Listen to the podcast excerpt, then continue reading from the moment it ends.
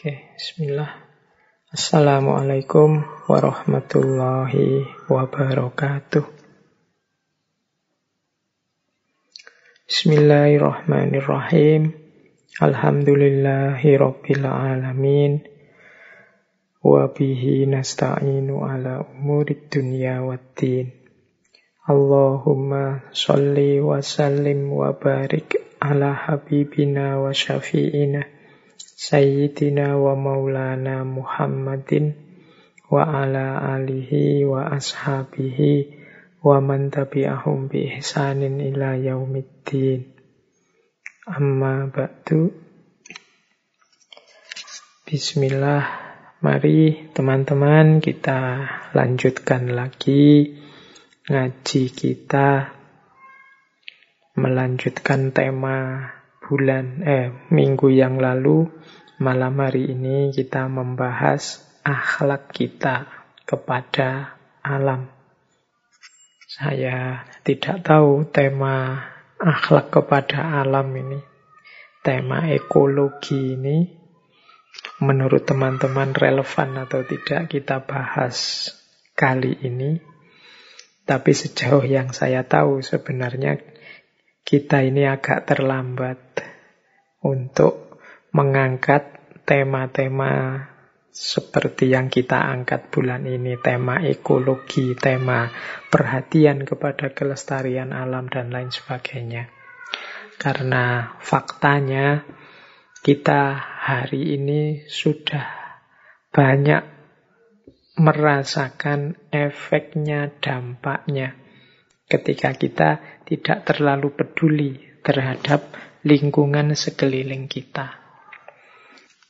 Ada banyak referensi, baik referensi ilmiah maupun referensi populer yang menunjukkan betapa kita hari ini hidup dalam kondisi ekologis yang memprihatinkan, yang sewaktu-waktu akan menghancurkan kita sendiri. Nah ini saya khawatirnya besok di akhirat kita oleh Allah ditanya tanggung jawab kita sebagai khalifatullah fil ard yang mendapat amanat untuk mengelola antara lain kelestarian alam semesta. Allah sudah percaya menitipkan pada kita bumi dan seisinya.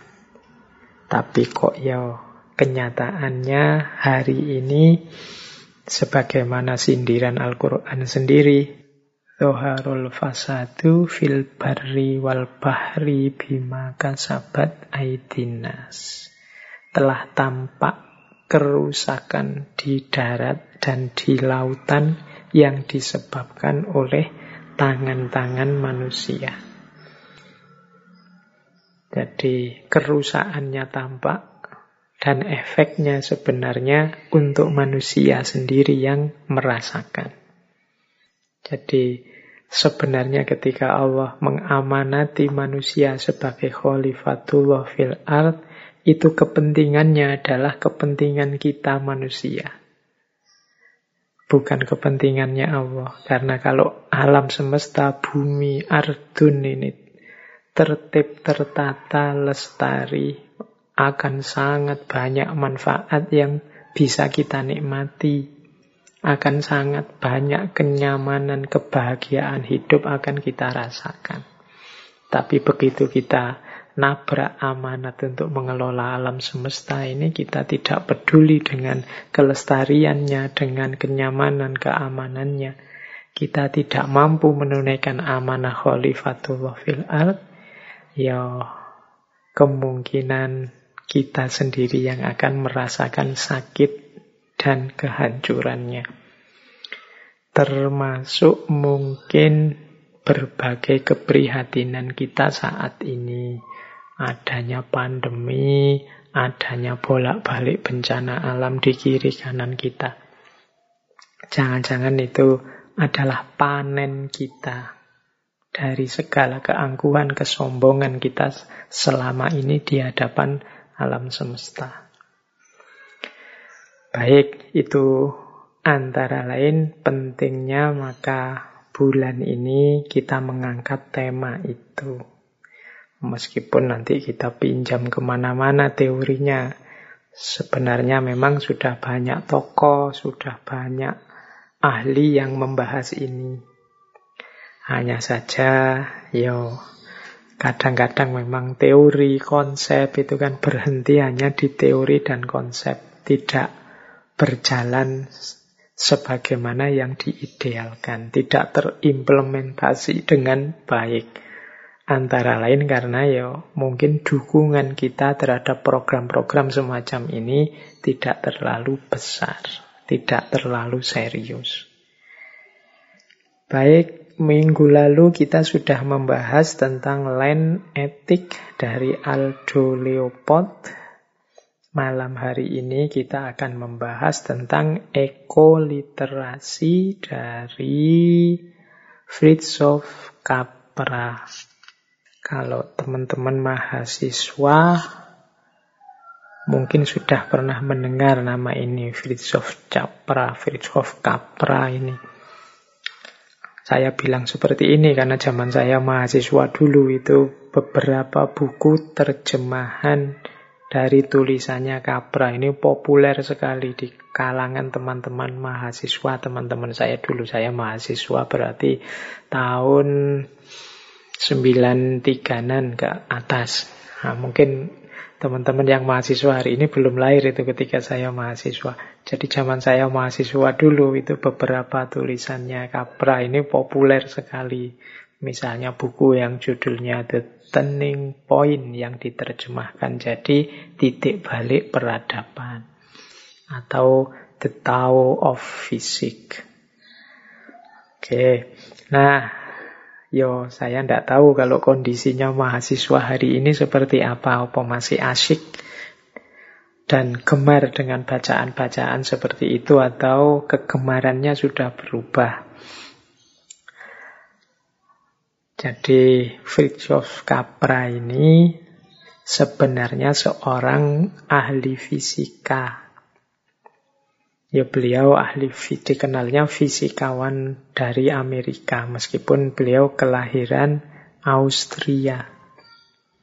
Keahlian beliau memang dalam hal ekologi. Bahkan beliau ini punya lembaga sendiri namanya Center for Eco-Literasi. Sebagaimana tema yang kita ambil malam hari ini, eco-literasi. Center ini pusatnya ada di California. Nah, Fritjof Capra ini, ya sampai hari ini beliau masih aktif dengan kegiatan-kegiatan dalam konteks ekoliterasinya.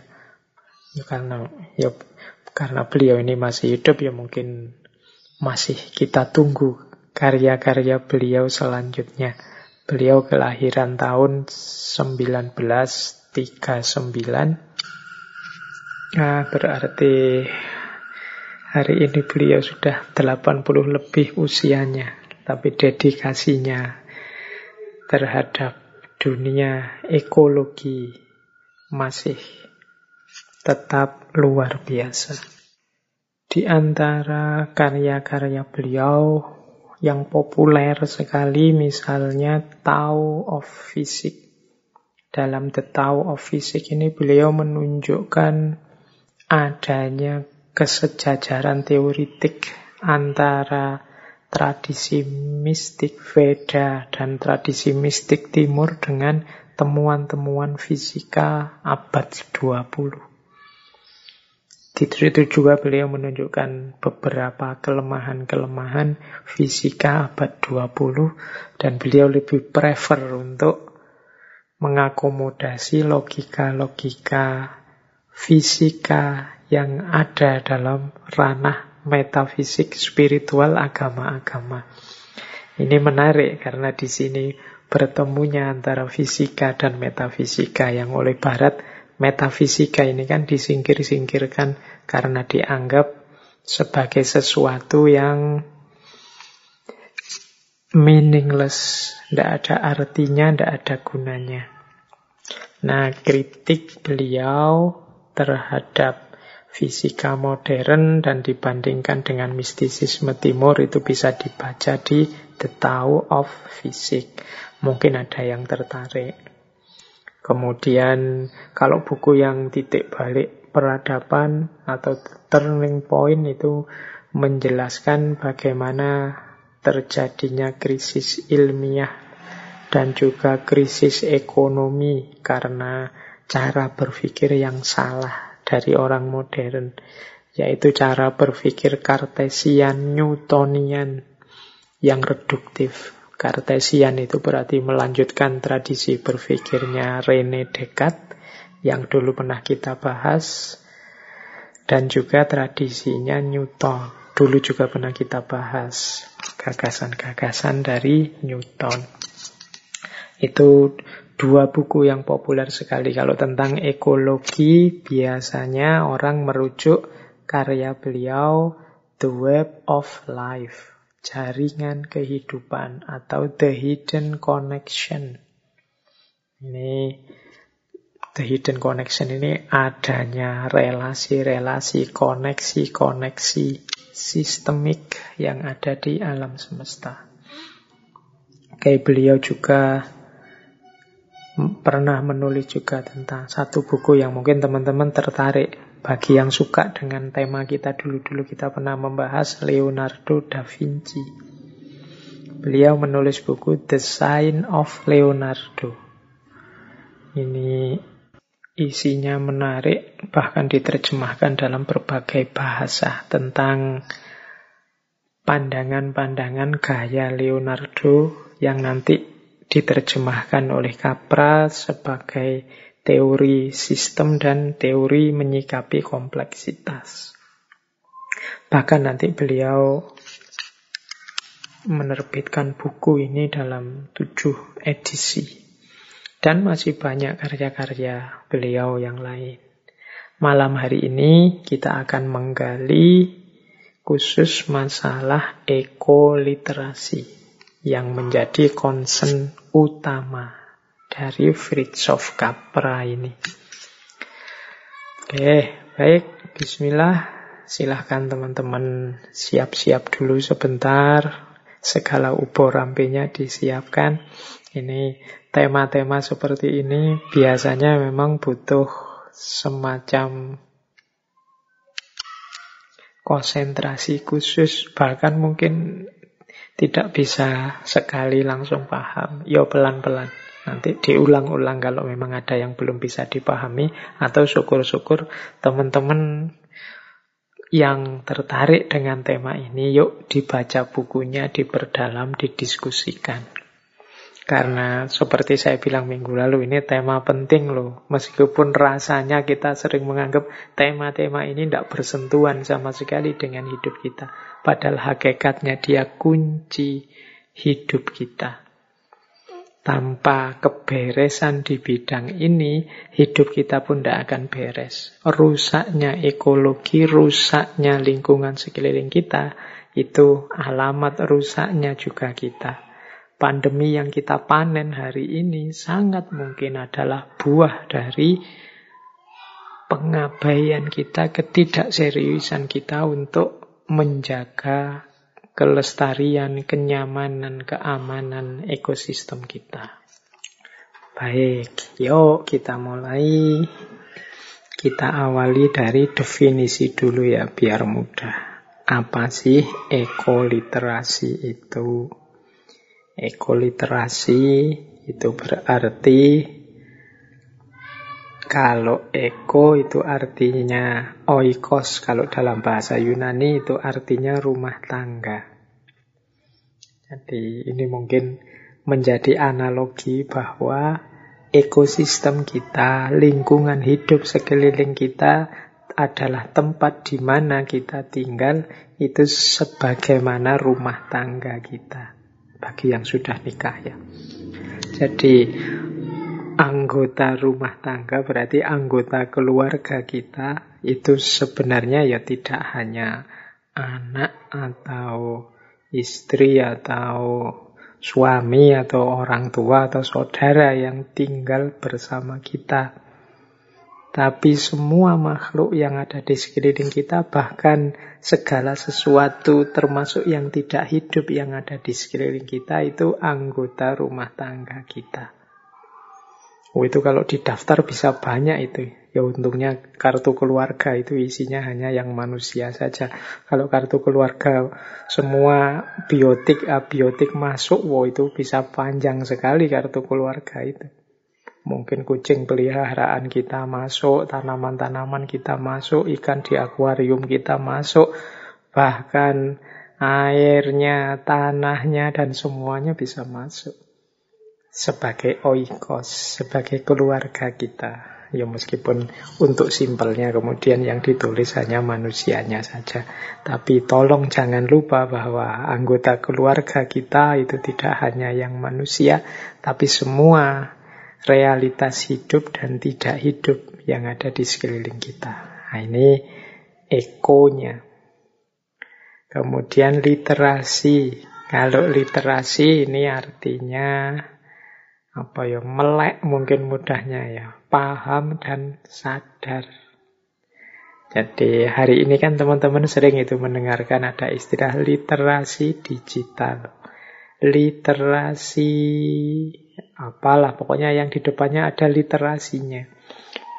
Jadi literasi itu menunjukkan seseorang yang sudah paham dan sadar tentang sesuatu. Jadi itu literate. Nah, biasanya secara umum didefinisikan sehubungan dengan literasi baca tulis, bisa membaca atau menulis, literasi melek huruf dan lain sebagainya. Tapi sebenarnya secara luas itu maksudnya keadaan ketika orang sudah paham dan sadar tentang sesuatu. Nah, ekoliterasi berarti satu keadaan di mana seseorang sadar dan paham tentang pentingnya, tentang tingginya nilai lingkungan hidup. Jadi, tentang tingginya nilai pentingnya ekosistem kita. Itulah ekoliterasi. Ini di berbagai kesempatan sering saya jelaskan ini mengapa sih kok paham pakai plus sadar. Kok tidak hanya paham saja atau tidak hanya sadar saja. Karena kadang-kadang dalam hidup kita ini antara paham dan sadar itu berjarak. Ada orang itu pinter, berarti dia paham, tapi tidak sadar. Sehingga ilmunya dengan kelakuannya berjarak, tidak sama. Kalau ceramah sih Daki-daki kelas tinggi kalau ngomong wah luar biasa tapi kelakuannya justru berlawanan dengan itu. Itu berarti paham sih tapi belum sadar. Sebaliknya ada orang mungkin sadar tapi belum paham. Ngerti saya harus Misalnya patuh pada perintah agama, ngerti, sadar bahwa saya ini harus memelihara lingkungan dan lain sebagainya. Tapi tidak ngerti ilmunya, tidak paham caranya bagaimana. Sama saja, akhirnya tidak jalan. Jadi paham tidak sadar ya itu kalau bahasa agama kasajari bila samarin seperti pohon yang tanpa buah Orang yang sadar tapi tidak paham, ya ini orang yang tidak bisa apa-apa, hanya sadar saja, tidak ada ilmunya. Maka ekoliterasi itu berarti orang yang yo paham, yo sadar tentang arti pentingnya lingkungan hidup. Kalau tentang paham ini sebenarnya saya agak yakin teman-teman yang malam hari ini mengikuti ngaji itu yo setuju kalau lingkungan hidup itu sangat penting artinya dalam kehidupan kita. Tapi mungkin sadarnya yang kurang. Sadar untuk menerjemahkan pemahaman tadi dalam kehidupan sehari-hari. Wong ingatase, po ingatase itu. Wong sekedar hanya buang sampah, tidak sembarangan saja yo. Kadang kita kesulitan luar biasa untuk menerapkannya secara konsisten. Wong sekedar tidak berbagi virus, penyakit pada orang lain dengan pakai masker saja, oh itu resistennya luar biasa, banyak protes, banyak komplain dan lain sebagainya, tidak nyaman lah dan lain sebagainya. Ini menunjukkan paham sih sebenarnya cuma sadarnya yang kurang. Berarti kalau masih belum lengkap paham dan sadar bisa disebut belum literate. Belum melek. Jadi maka saatnya kita meningkatkan literasi lingkungan kita, ekoliterasi. Yuk, kita lanjutkan. Apa kata Fritjof Capra tentang literasi lingkungan atau literasi ekologis ini? Di Tau of Physics beliau menyatakan seperti ini. Tantangan besar di zaman kita adalah membangun komunitas yang berkelanjutan. Apa komunitas yang berkelanjutan itu? Ya komunitas yang dirancang sedemikian rupa sehingga cara hidupnya, bisnisnya, ekonominya, struktur fisiknya, dan teknologinya tidak mengganggu kemampuan bawaan alam untuk menopang kehidupan. Jadi hari ini kita punya PR besar yaitu sustainable community atau komunitas yang berkelanjutan. Komunitas yang berkelanjutan itu ya mudahnya komunitas yang lestari. Bisa tidak kita mempertahankan lingkungan ekosistem kita agar lestari. Berarti kita harus merancang cara hidup di segala levelnya, baik level ekonomi, level fisik, level teknologi, yang tidak merusak komunitas ini, yang tidak merusak lingkungan sekeliling kita ini. Ini PR-nya.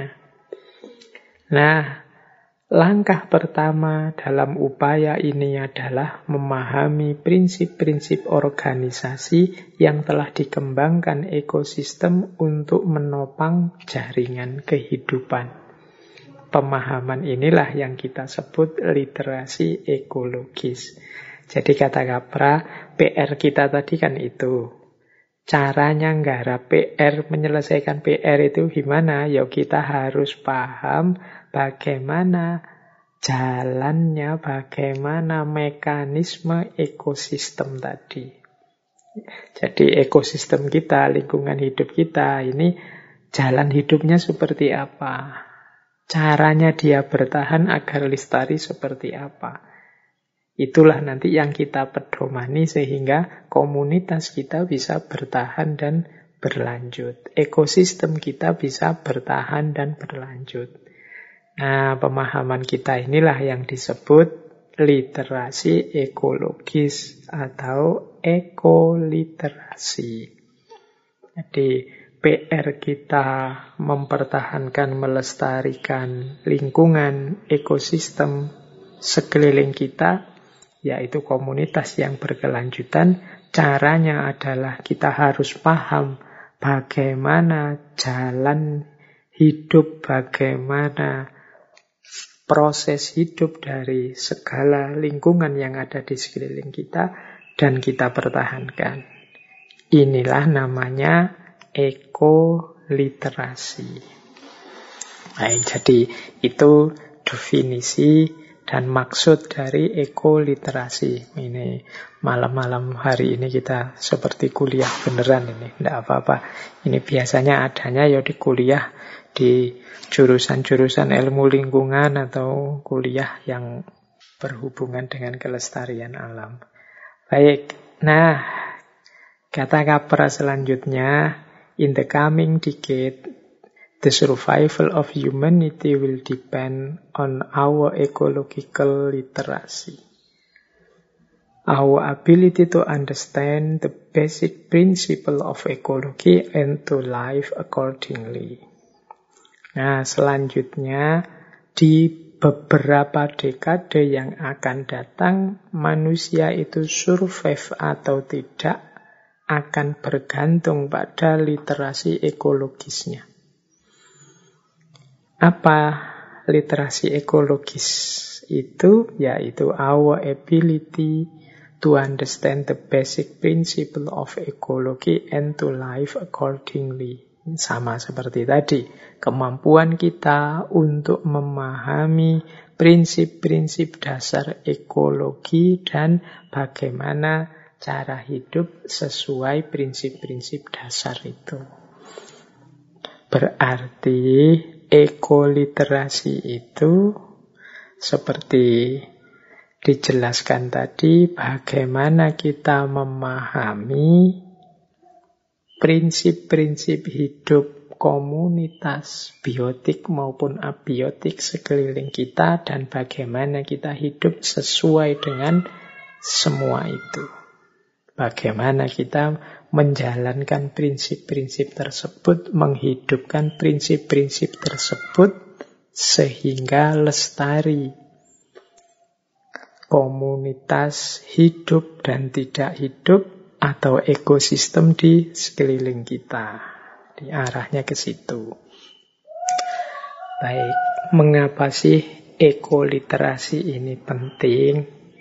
Ya pertama-tama karena selama ini secara umum tindakan kita, perilaku kita di hadapan alam itu banyak kelirunya, banyak salahnya. Ini kalau bahasa agama mungkin kita banyak dosanya kepada alam sekeliling kita ini. Meskipun kita tidak pernah bikin halal bihalal dengan alam semesta, kita tidak pernah secara khusus minta maaf pada mereka. Tapi diakui atau tidak, kelakuan kita sebagai manusia persis seperti ramalannya Al-Quran bahwa kita ini banyak merusak jadi banyak perilaku-perilaku kita yang salah, yang keliru. Mengapa kok perilaku kita jadi keliru di hadapan alam? Karena paradigma berpikir kita juga keliru. Paradigma berpikir itu jalan pikiran kita di hadapan alam juga keliru. Kita salah memahami dan menempatkan posisi alam sehubungan dengan kita. Jadi salah paradigma berpikirnya. Nanti ada dua yang dikritik oleh Capra yaitu cara berpikir gaya Kartesian dan gaya Newtonian. Karena cara berpikir kita sudah salah, maka yuk kita tidak perlu gengsi, tidak perlu takut untuk mengubah paradigma berpikir kita. Mengubah cara berpikir kita, cara kita melihat alam, ekosistem sekeliling kita. Kemudian kalau sudah paham, baru mari kita sadari dan jalankan. Berarti saatnya mengubah perilaku kita. Mumpung belum sama sekali total terlambat. Meskipun di depan tadi saya bilang jangan-jangan kita sudah agak terlambat ini. Tapi kan tidak ada kata terlambat untuk kebaikan dan perbaikan. Mari bareng-bareng kita mulai hari ini benar-benar kita cintai lingkungan hidup sekeliling kita. Ini kalau pakai bahasa yang sering kita gunakan di ngaji filsafat ini yaitu bahasa cinta berarti memang solusi yang paling pas itu ya cinta kita kepada segala makhluk yang ada di sekeliling kita. Cinta itu sering saya bilang ketika kita tidak egoistik, tidak hanya berpikir kepentingan kita, tapi kita memikirkan, mempertimbangkan kepentingan yang kita cintai. Kemarin kan paradigma antroposentris yang egois ini dipandang sebagai sumbernya kerusakan, sumbernya berbagai anomali kehancuran di alam. Nah, berarti kita harus mengambil sikap sebaliknya. Sikap yang tidak egois dan ketemunya pasti di cinta. Maka istilah cinta alam itu bagi saya sudah tepat dan luar biasa kalau kita bisa menghidupkannya. Tapi kan cinta sebagaimana kata Erich Fromm prasyarat utamanya antara lain adalah knowledge, pengetahuan. Jadi untuk bisa mencintai dengan baik kita memerlukan pengetahuan, wawasan yang cukup tentang yang kita cintai. Bagaimana kita bisa memperjuangkan, kita bisa membahagiakan, menyamankan yang kita cintai kalau kita tidak tahu tentang dia, apa yang membuat dia bahagia, apa yang membuat dia nyaman. Terhadap alam juga begitu, bagaimana kita bisa disebut mencintai alam kalau kita tidak paham dan tidak ngerti tentang jalan hidupnya, tidak ngerti tentang mekanisme pertahanan dirinya, tidak ngerti tentang bagaimana biar dia lestari, tidak musnah, dan lain sebagainya. Ya intinya kita harus ngerti ilmunya, pengetahuan tentang lingkungan. Di sinilah pentingnya ekoliterasi yang malam hari ini kita bahas. Jadi ada salah perilaku kita selama ini, semoga kita minta maaf segera tobat yang ternyata akarnya adalah kekeliruan berpikir kita, berarti kita harus mengubah dulu cara berpikirnya, ganti wawasan yang lebih fresh, yang lebih positif, dan selanjutnya mari kita ubah perilaku kita di hadapan alam. Baik, nah yuk selanjutnya kita telusuri yang dimaksud oleh Capra salah paradigma berpikir ada dua pemikiran yang banyak disinggung oleh Capra tentang paradigma berpikir yang tidak pas ini. Yang pertama adalah model Cartesian. Dan yang kedua adalah model mekanistik. Jadi biasanya disebut fisika mekanik, ini gaya fisika klasik. Model Kartesian ini sumbernya Rene Descartes. Rene Descartes ini sering kita sebut sebagai tokoh rasionalisme kalau dalam filsafat. Dulu pernah kita membahas tentang Rene Descartes ini melahirkan gaya berpikir rasional modern yang dikenal sebagai Kartesian. Kalau Isaac Newton ini Beliau pelopor fisika modern yang dikenal sebagai fisika mekanistik.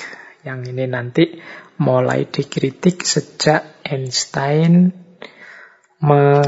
menelurkan gagasan tentang relativisme yang berkembang sampai hari ini. Kemudian muncul namanya fisika kuantum. Nah, apa sih kelirunya dua tokoh ini? yang mengimbas pada kesalahan kita menyikapi alam.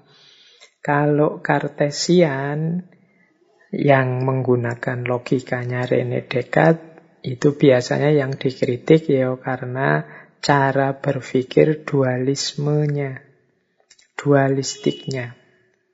Jadi berpikir dualistik itu yang paling populer itu berpikir tentang adanya mind and body.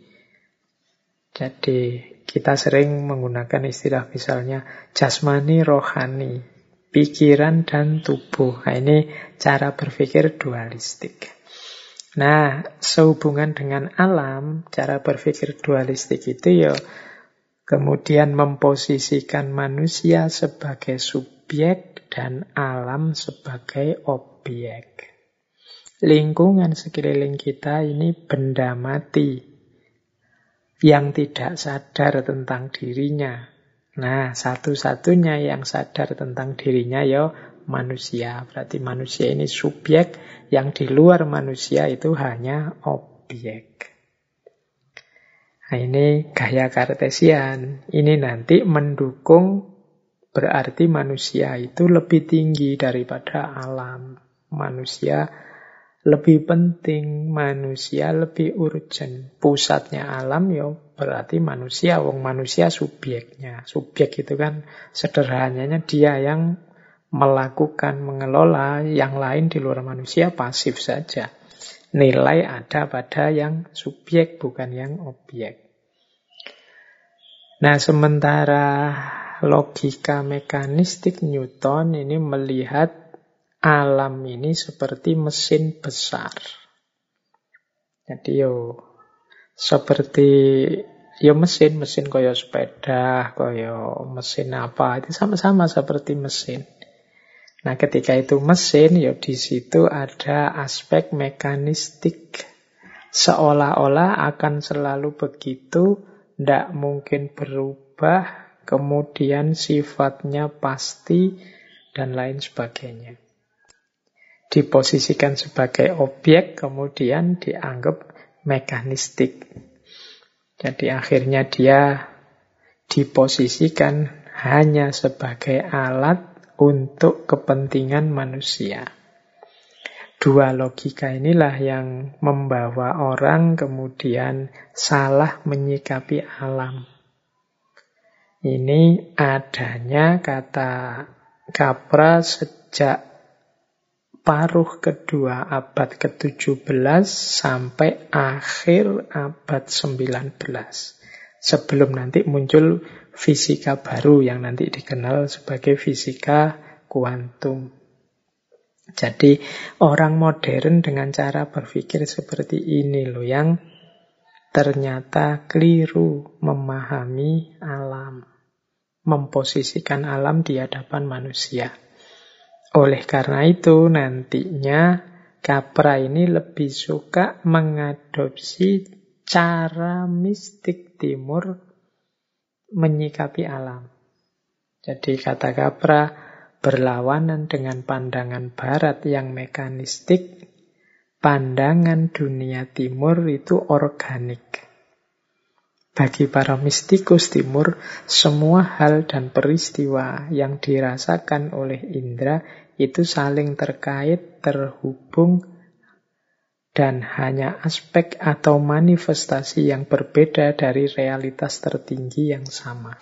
Nih, kalau teman-teman belajar tasawuf atau mistisisme agama-agama itu kan melihat segala hal ini dalam hidup ini manifestasi dari realitas tertinggi yang satu dan sama.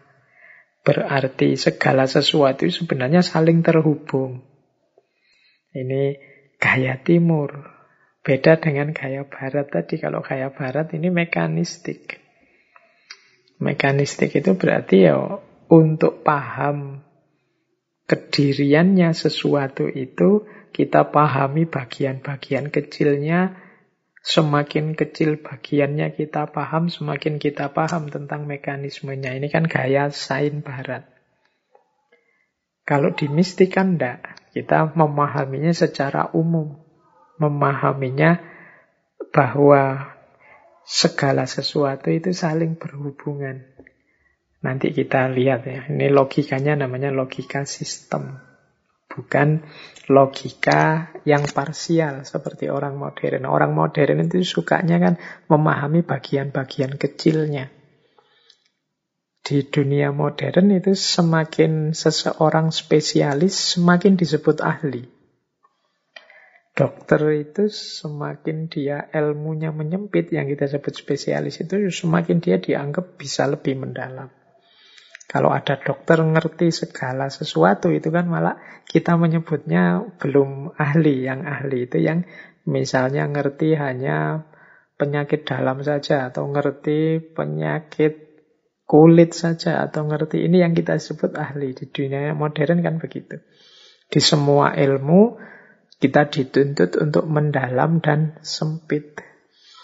Beda dengan cara mistik ini. Kalau mistik timur itu justru melihat segala sesuatu sebagai keutuhan yang saling mempengaruhi. Jadi tidak bisa hanya paham satu bagian disebut paham.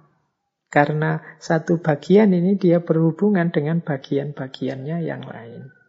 Nah ini nanti kalau dihadapkan dengan alam, cara berpikir gaya mistik ini dihadapkan dengan cara berpikir menanggapi alam semesta, berarti alam semesta dengan kita, dengan apa segala yang ada di sekeliling lingkungan kita ini sebenarnya saling berkaitan, sebenarnya satu kesatuan. Jadi ini bedanya gaya timur dengan gaya barat. Berarti cara berpikir parsialistik, mekanistik, itulah tadi yang jadi akar kenapa selama ini kita salah menyikapi alam harusnya kita membacanya secara utuh, secara sistemik, organik. Oke, baik. Ini saya lanjutkan. Ambil nafas sebentar. Kita lanjutkan tentang berpikir sistemik tadi.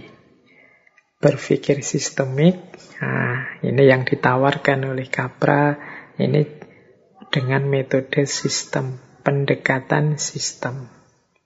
Seperti apa sih berpikir sistemik itu? Berpikir sistemik itu berarti mengandaikan yang sedang kita hadapi ini sesuatu yang kompleks. Yang saling berkait, saling berhubungan, saling mempengaruhi. Sistemik organik itu Teman-teman mungkin bayangkan saja seperti tubuh kita ini loh sebagai manusia secara keseluruhan. Misalnya kita kena virus, misalnya.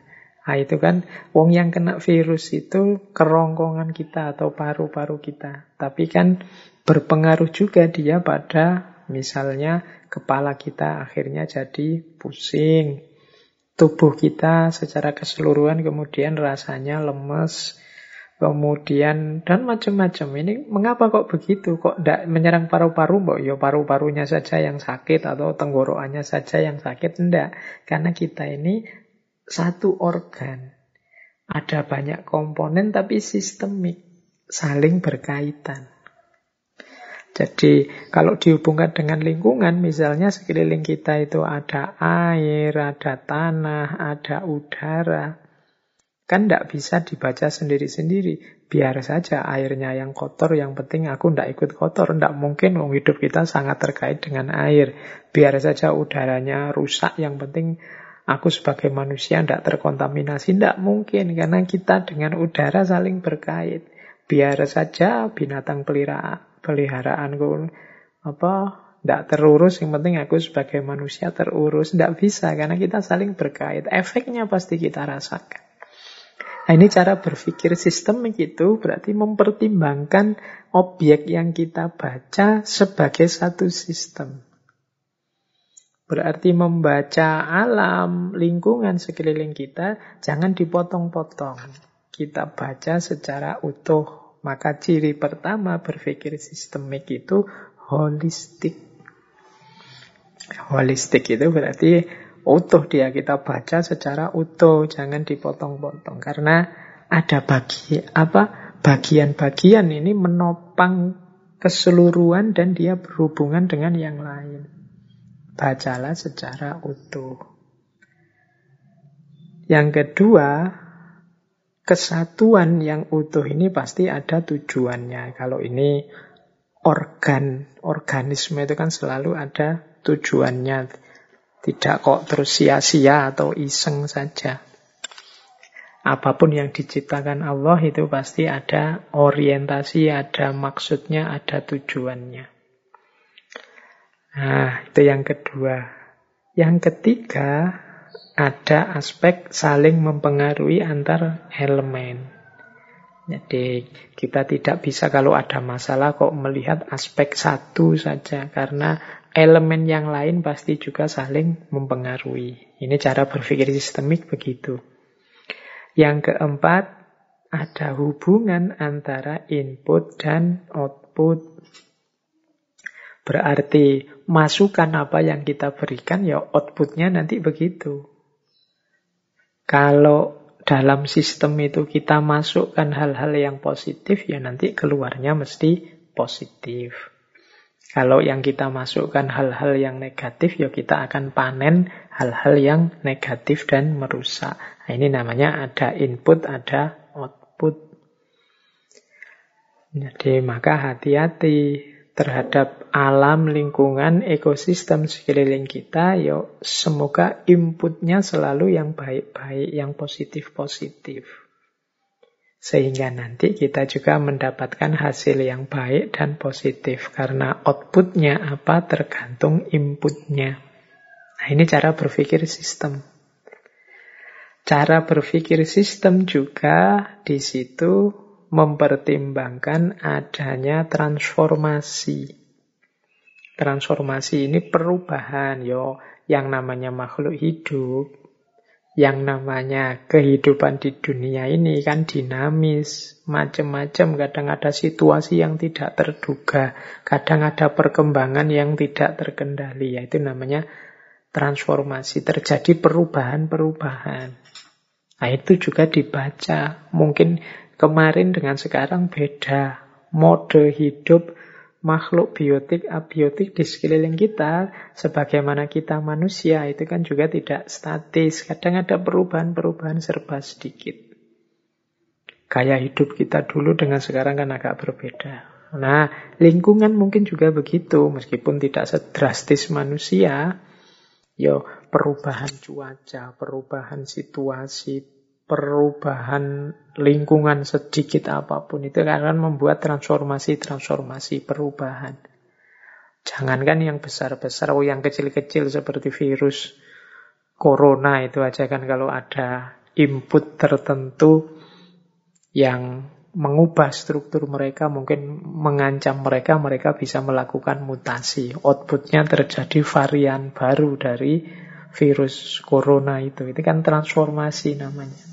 Mungkin karena dia merasa terancam oleh vaksin-vaksin atau ada situasi yang memojokkan mereka sebagai spesies gitu kemudian mereka melakukan mutasi-mutasi untuk menyelamatkan dirinya atau melanggengkan dirinya. Itu kan versi transformasi namanya. Ada input ada output. Sama seperti kita manusia bertransformasi karena ada input ada output tadi Misalnya kita berhadapan dengan virus pandemi sebagai inputnya, sehingga kita tidak berani keluar-keluar rumah, kemudian kita harus pakai masker dan macam-macam. Ini kan mengalami transformasi, kemudian gaya hidup kita mengalami perubahan. Berpikir sistem juga ada aspek hierarkinya. Hierarki itu urutannya. Hierarki nanti berhubungan dengan diferensiasi ini fungsinya apa, mana yang bergerak dulu, mana yang berproses dulu, kemudian mana yang berproses kemudian. Kapan produksi, kapan konsumsi, ini hubungannya dengan hierarki dan diferensiasi. Kita kapan menghirup oksigen, kapan mengeluarkan karbon dioksida. Kemudian kalau yang tumbuhan, kapan dia mengambil karbon dioksida yang kita keluarkan, kemudian menghasilkan oksigen yang kita butuhkan. Ini hubungan antara hierarki dan diferensiasi. Berpikir sistemik juga begitu dalam satu sistem ekosistem ini ada relasi-relasi yang perlu kita bedakan ini perannya apa, itu perannya apa, dan biasanya hierarkis, mana yang lebih dulu, mana yang kemudian, dan lain sebagainya. Ini namanya berpikir sistemik. Ada pula unsur kalau berpikir sistemik itu ekuifinalitas dan multifinalitas. Ekuifinalitas itu caranya macam-macam, hasilnya satu. Ekuifinalitas. Misalnya di lingkungan kita ini uh, manusia yang begini, hewan yang begini, tumbuhan yang begini akan melahirkan satu hal, misalnya lingkungan yang nyaman. Ini jadi dari banyak cara lahir satu tujuan. Atau multifinalitas. Multifinalitas itu dari satu hal lahir banyak tujuan. Misalnya manusianya yang tekun, yang rajin, nah, nanti melahirkan tanamannya subur, melahirkan binatang peliharaannya terjamin, melahirkan manusianya, kemudian jadi rukun dan lain sebagainya. Ini multifinalitas. Dari satu tindakan, satu kegiatan, satu aktivitas lahir berbagai tujuan. Atau equifinalitas. Dari cara yang berbeda-beda lahir satu tujuan yang sama demi satu tujuan yang sama. Ini berpikir sistemik dalam sesuatu yang sistemik dan organik, unsur ini pasti ada. Dan yang terakhir namanya entropi. Entropi itu ya ketika terjadi sesuatu yang sama sekali tidak terduga, berbeda dari sebelumnya. Jadi Selalu ada ada kejutan-kejutan situasi itu namanya entropi yang tidak terduga. Sudah dirancang-rancang, diatur-atur, eh akhirnya berubah semua. Itu namanya entropi. Ini sebenarnya teori berpikir sistemik ini tidak hanya untuk ekologi lingkungan. Untuk banyak hal boleh kita pakai mode berpikir sistemik ini. Kalau dalam studi Islam saya masih ingat itu ada tokoh namanya Yasir Auda memakai teori sistem ini untuk memahami hukum Islam. Jadi memahami hukum Islam itu ya jangan terpotong-potong begitu, harus dipahami secara utuh dan sistemik. Silahkan dibaca bukunya bagi yang tertarik. Tapi pola berpikir sistem ini ditawarkan oleh Fritjof Capra untuk memahami lingkungan hidup sekeliling kita. Biar tidak terjebak kartesianisme atau mekanisme Newtonian. Baik, kita lanjutkan. Nah, sekarang kita masuk ke prinsip-prinsip ekologi. Prinsip-prinsip ekologi ini berarti ini dalam rangka kita memahami apa sih yang menjadi dasar berjalannya satu ekosistem. Jadi prinsip apa yang nanti menjadi pijakan lestarinya ekosistem. Nah, ini namanya prinsip ekologi. Yang ini dibacanya pakai teori sistem tadi.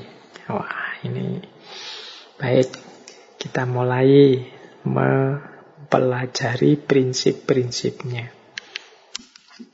Ini penting kita ketahui dalam rangka melek ekologi tadi, ekoliterasi. Prinsip yang pertama adalah interdependensi. Interdependensi itu saling ketergantungan antar setiap anggota dari komunitas ekologis, termasuk kita, manusia yang ada di dalamnya.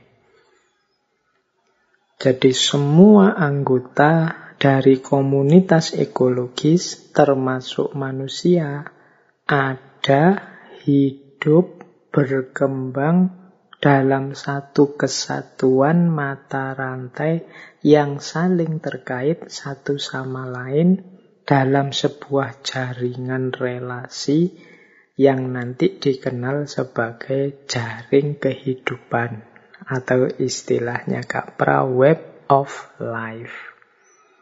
Jadi inilah prinsip interdependensi maka ketika kita memahami lingkungan hidup sekeliling kita, jangan dipahami sepotong-sepotong. Karena keberadaan semua anggota komunitas itu saling terkait dengan keberadaan anggota yang lain. Kita tidak akan jadi kita kalau relasi dan anggota ekologisnya berubah.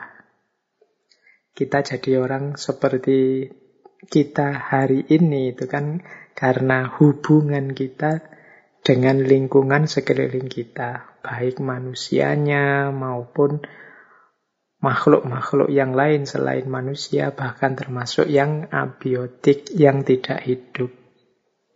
Ini berpengaruh juga terhadap manusianya. Loh, kalau yang tidak hidup mempengaruhi apa Pak? Ya banyak lah. Bisa misalnya di satu tempat yang lingkungannya misalnya dekat pantai misalnya yang itu selalu terdengar keras sekali suara air laut pantai yang ombaknya besar itu mungkin orangnya cenderung kalau ngomong suaranya agak keras karena kalau tidak keras ya suaranya tertutupi oleh suaranya pantai deburan ombaknya misalnya ini kan menunjukkan ada keterkaitan dengan yang tidak hidup atau di satu daerah yang situasinya apa gitu nanti berpengaruh.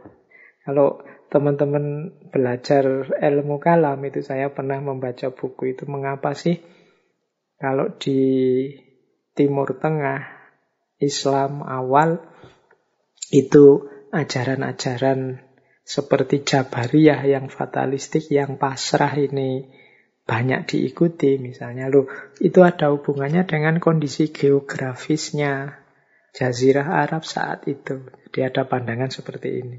Nah, Jazirah Arab saat itu di abad-abad ke-6 ke-7 itu kan isinya banyak padang-padang pasir yang luas. Kalau berhadapan dengan padang pasir itu kan situasinya sulit sekali dan serba tidak terduga. Jadi manusia benar-benar tidak berdaya sudah kalau ada di tengah-tengah padang pasir itu. Loh, hidup di tengah uh, wilayah yang berpadang pasir ini, yo, manusia bisa mau tidak mau hanya pasrah saja terhadap kondisi alam di sekelilingnya. Makanya kemudian perspektif melihat hidup secara fatalistik yang jabariyah, yang pasrah sama Tuhan saja itu jadi laku. Oh iya ya, Ya mau gimana lagi kita. Mau melawan alam tidak kuat, tidak kuasa. Kita belum nyampe ilmunya. Akhirnya bisanya hanya pasrah. Maka ketika ada pandangan yang coraknya Jabariyah bahwa hidup ini sepenuhnya diatur oleh Allah dari A sampai Z kita ini hanya seperti bulu yang ditiup angin diterima pandangan seperti ini. Nah, jadi kondisi alam ekosistem sekeliling kita berpengaruh juga terhadap cara berpikir kita, cara hidup kita. Ini nanti yang muncul pandangan-pandangan teori tentang, oh kenapa kalau orang dari daerah ini kecenderungannya begini, orang dari daerah itu kecenderungannya begitu. Itu karena aspek interdependensi ekologis ini. Web of life-nya berbeda-beda. Di web of life ini ya pokoknya situasi ekosistem di sekeliling kita, baik manusianya maupun segala makhluk yang lain termasuk barang-barang materi yang tidak hidup di sekeliling kita. Ini web of life. Jadi kalau ada orang kok kamu gaya hidupmu kok begitu sih, cara ngomongnya kok begitu, caramu menyelesaikan masalah kok begitu sih, nah, itu bisa dianalisis dari web of life tadi. Jadi jaringan hidupnya, lingkungan sekelilingnya. Mengapa? Karena secara ekologi berlaku prinsip interdependensi. Saling ketergantungan. Jadi eksistensi keutuhan, kehidupan, dan perkembangan setiap anggota ekosistem menentukan eksistensi, keutuhan, kehidupan, dan perkembangan anggota yang lain.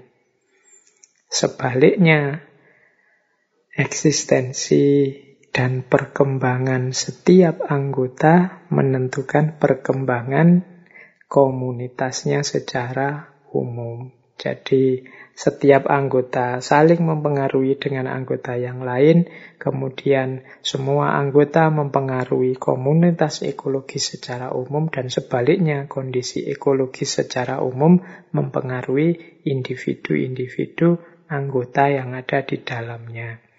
Itulah namanya interdependensi.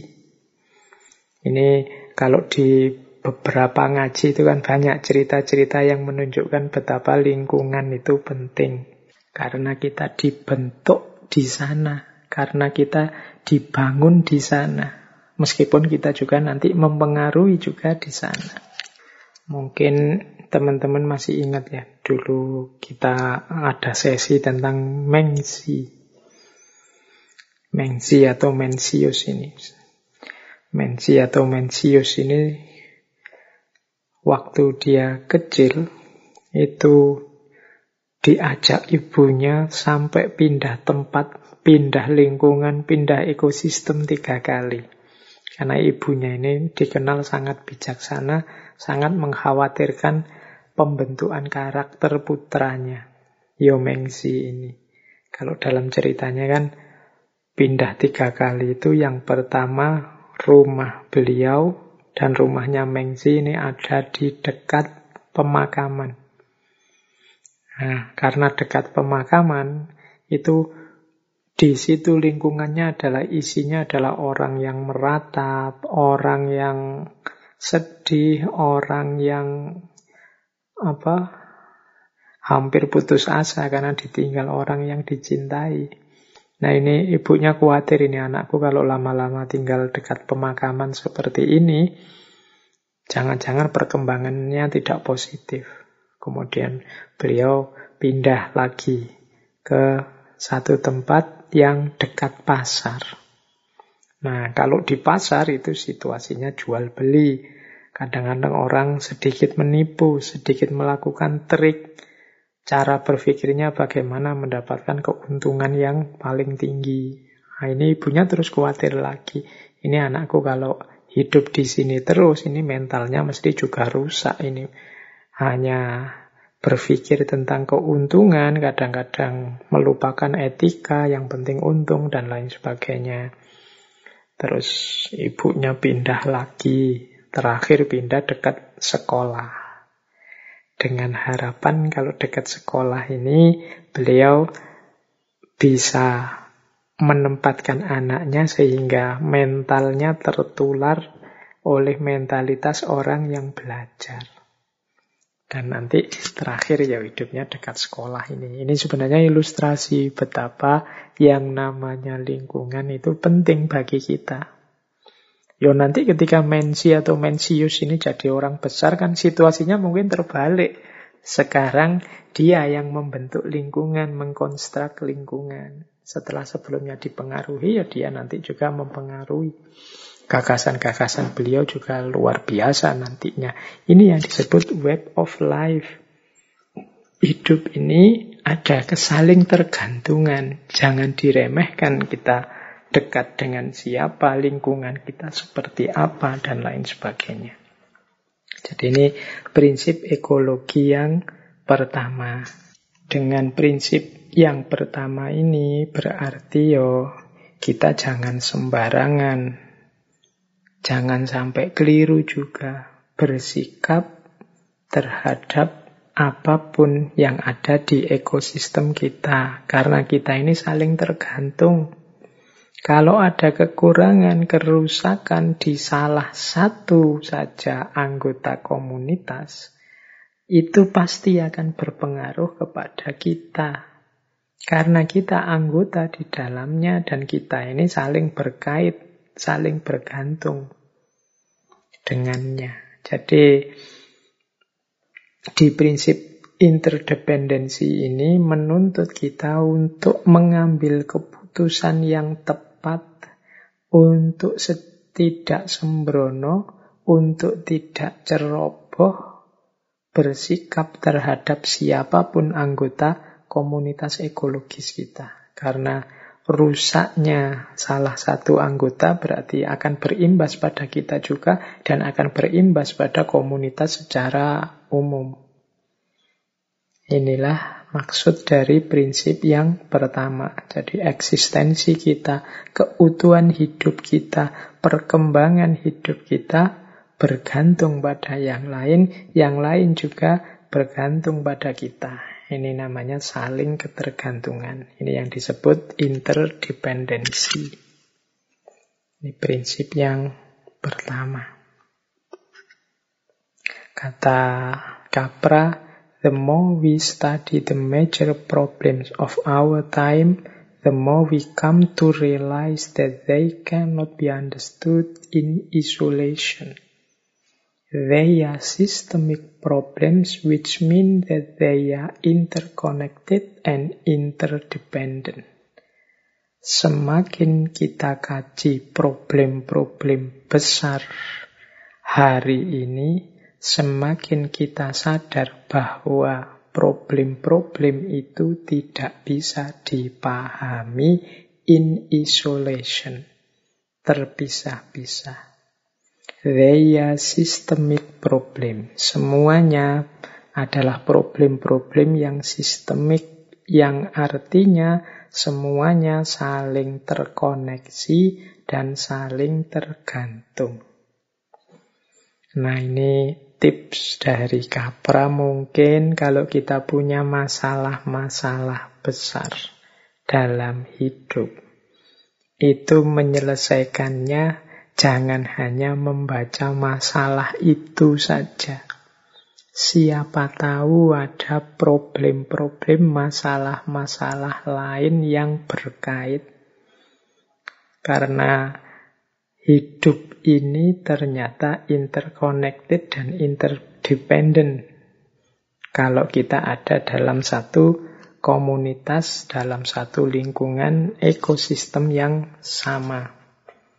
Jadi mari kita ulang lagi solusi-solusi karena kadang-kadang solusi yang kita berikan itu lahir jadi masalah baru. Mengapa? Karena kita lupa untuk menggali juga hal-hal lain yang saling berkait. Apa pun itu problemnya. Nah, jadi kata Capra, yuk kita lihat segala variabel yang berkait. Jangan hanya dilihat pas masalah itu saja. Kalau ada misalnya masalah apa wis, mengapa sih anak-anak kita hari ini kok susah sekali seperti generasi yang lama kok tidak terlalu cinta buku kok cintanya main game misalnya. Itu kalau kita hanya menyelesaikan itu saja misalnya tiba-tiba pokoknya anakku tidak usah main game lagi kamu harus baca buku saja. Itu biasanya tidak selesai masalahnya. Sulit hanya dengan solusi itu. Kita harus melihat aspek-aspek lain yang berkait. Mungkin aspek ekonominya, mungkin aspek lingkungan sekelilingnya, mungkin aspek temannya, mungkin aspek sekolahnya, mungkin aspek apalagi mungkin termasuk juga kesehatan mentalnya, mungkin termasuk juga orang tuanya, mungkin termasuk juga keasikan di rumah, mungkin macam-macam, banyak variabel yang terkait. Ini kalau tidak kita selesaikan semua, ya problem yang kita hadapi tadi tidak akan selesai. Karena setiap problem interconnected dan interdependent. Mengapa sih misalnya Indonesia ini sering sekali mengulang problem yang sama? Jadi kalau teman-teman membaca sejarah kita, itu kan kadang-kadang muncul masalah-masalah yang berskala nasional.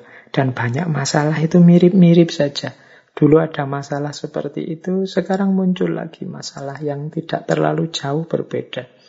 Jangan-jangan memang kita menyelesaikan masalah-masalah itu in isolation. Jadi pokoknya ada masalah, kita hanya melihat masalah itu, tidak melihat bahwa masalah itu berkait dan bergantung juga dengan masalah-masalah yang lain, dengan unsur-unsur faktor-faktor lain yang harus juga diselesaikan. Kalau faktor-faktor yang berkait ini tidak beres, ya tidak akan problem utama tadi beres. Itulah makna dari Kalimatnya Capra, the more we study the major problems of our time, the more we come to realize that they cannot be understood in isolation. They are systemic problems, which mean that they are interconnected and interdependent.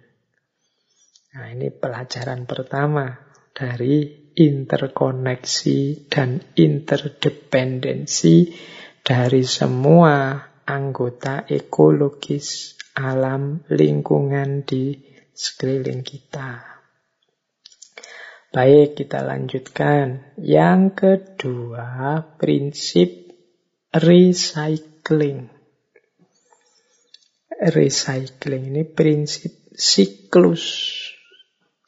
Ini recycling ini berarti membaca setiap hal setiap anggota kehidupan dalam komunitas itu sebagai sistem yang berputar. Jadi keberlangsungan hidup ditentukan oleh rangkaian pola relasi yang saling terkait dan saling siklikal, saling berputar. Ini kalau pakai kalimat susah dijelaskan saja ya. Seperti tadi lo ilustrasinya. Recycling itu. Ada yang memproduksi, ada yang mengkonsumsi. Setelah dikonsumsi biasanya muncul limbah.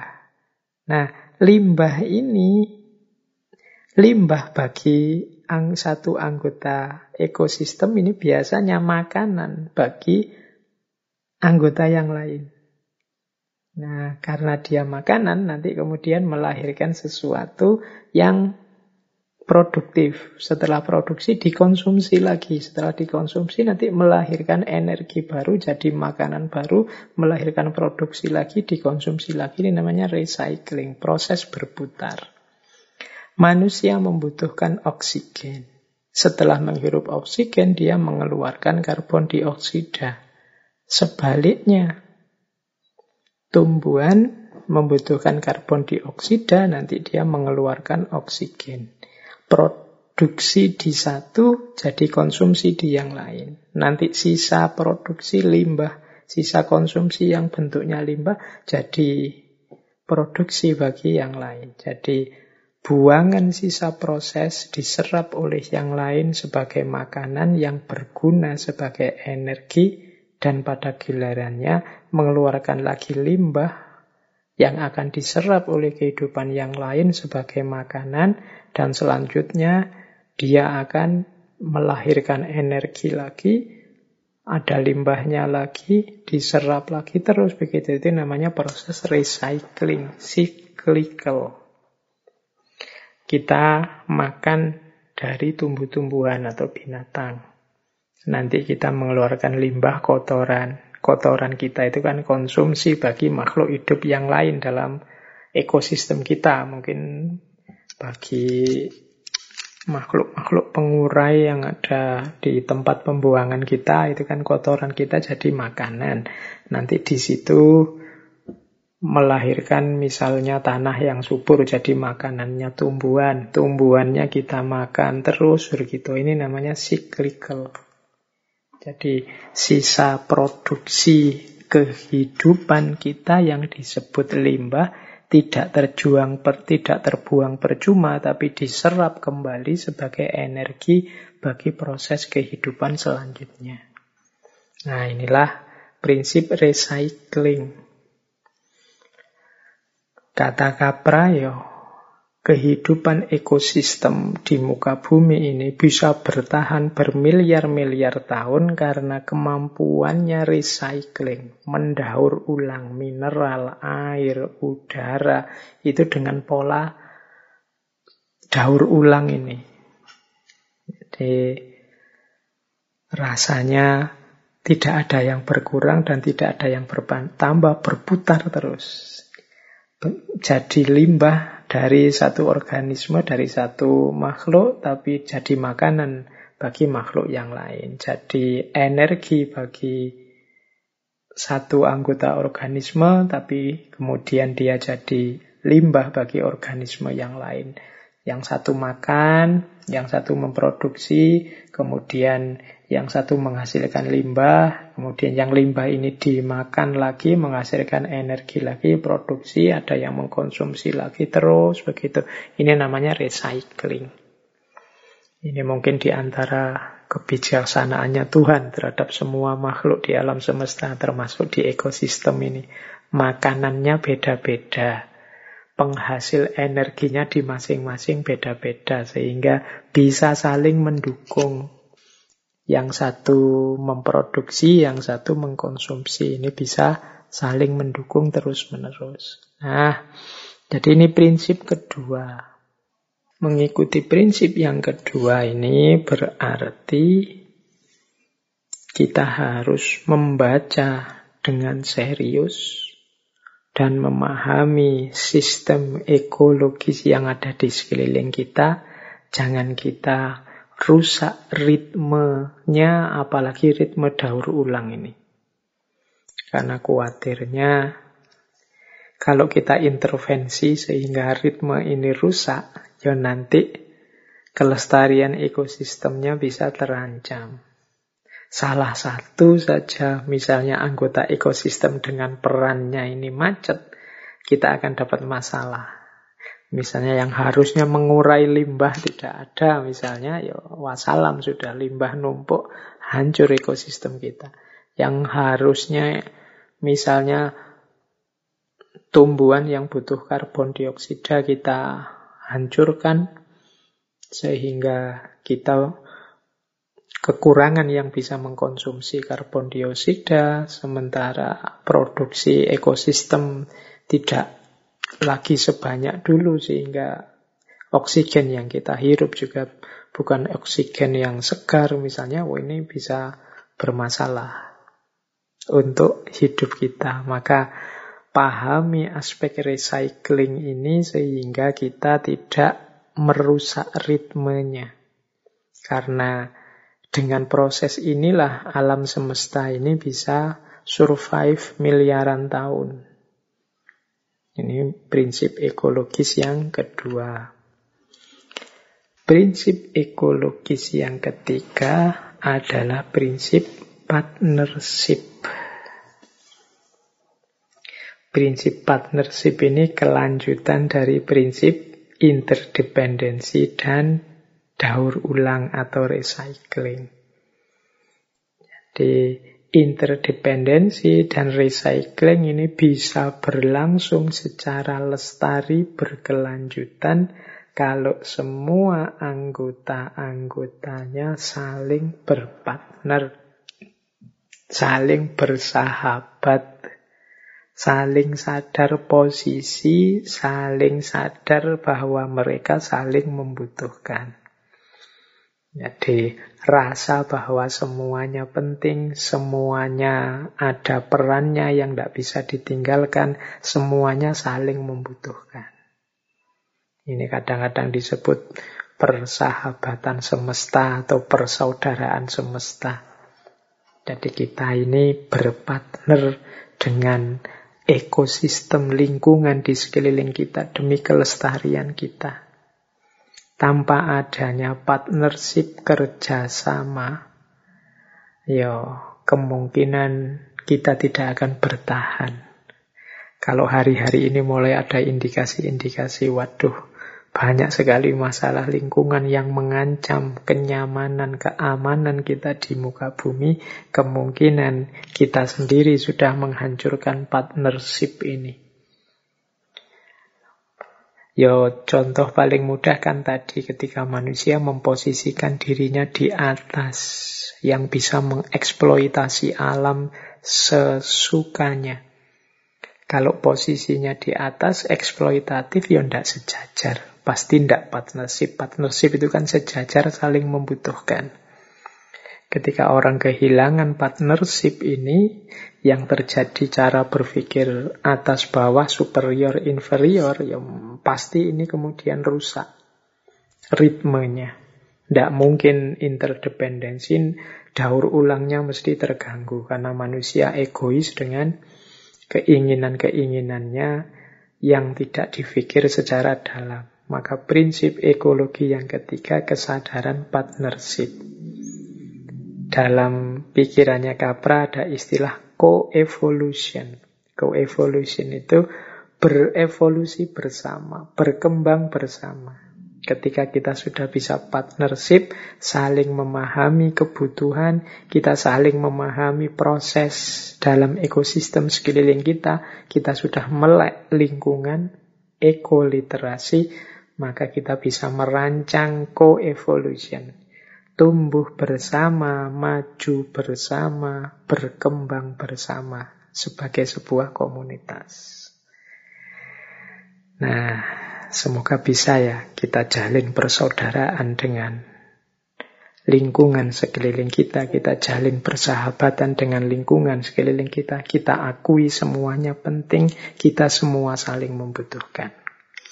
Ini prinsip yang ketiga. Prinsip ekologis yang keempat adalah prinsip fleksibilitas. Jadi prinsip fleksibilitas ini berarti yang pertama-tama kita pahami bahwa alam ini fleksibel. Fleksibel itu dia punya kemampuan menyesuaikan diri menghadapi perubahan. Kadang-kadang ada tumbuhan itu yang meskipun banyak penghalangnya, dia tetap bisa mencari jalan untuk menghadap ke matahari. Ini kan kemampuan fleksibel. Jadi kemampuan masing-masing untuk survive, mempertahankan keutuhan dirinya kalau ada ancaman-ancaman, penyimpangan-penyimpangan, kerusakan-kerusakan. Nah ini prinsip fleksibilitas. Nah, apa yang kita pelajari dari prinsip fleksibilitas ini? Ya berarti manusia juga harus mengadopsi prinsip ini. Manusia tidak boleh kaku. Manusia juga harus fleksibel. Kita belajar tentang ekosistem sekeliling kita, ternyata ekosistem sekeliling kita itu juga fleksibel, menyesuaikan dengan situasi. Kalau kita tidak menyesuaikan, ya kita sendiri nanti yang telat. Kita sendiri nanti akhirnya yang mengacaukan ritme, menghancurkan ekosistem. Jadi kita manusia juga harus fleksibel. Di antara mungkin ya kalau menurut tulisannya Capra, di antara anggota komunitas ini yang biasanya kaku, mudah tegang, mudah konflik, itu manusia. Yang paling tidak fleksibel itu manusia. Tidak fleksibel berarti tidak terbuka terhadap perubahan-perubahan yang terjadi. Manusia itu kan sering egois. Kalau sudah merasa benar, merasa tepat, itu sama sekali sudah tidak bisa dikritik, tidak bisa dibelokkan lagi. Nah, di prinsip yang keempat, fleksibilitas ini berarti ya kita memahami dinamika ekosistem kita secara terbuka. Ya jangan kaku. Yang punya kemungkinan terbuka sebenarnya manusia. Kalau manusianya sendiri tidak terbuka, ya susah dia merespon perkembangan-perkembangan mendadak yang terjadi.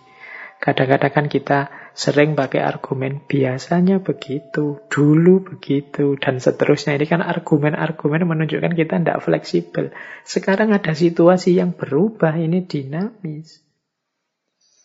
Ketika ada virus corona misalnya, oh itu kan jangan deket-deket ya. Sehingga kalau ke masjid ya ambil jarak misalnya kan. Terus ada yang kritik, lu wong sejak dulu ya namanya jamaah itu ya harus rapat dan lurus.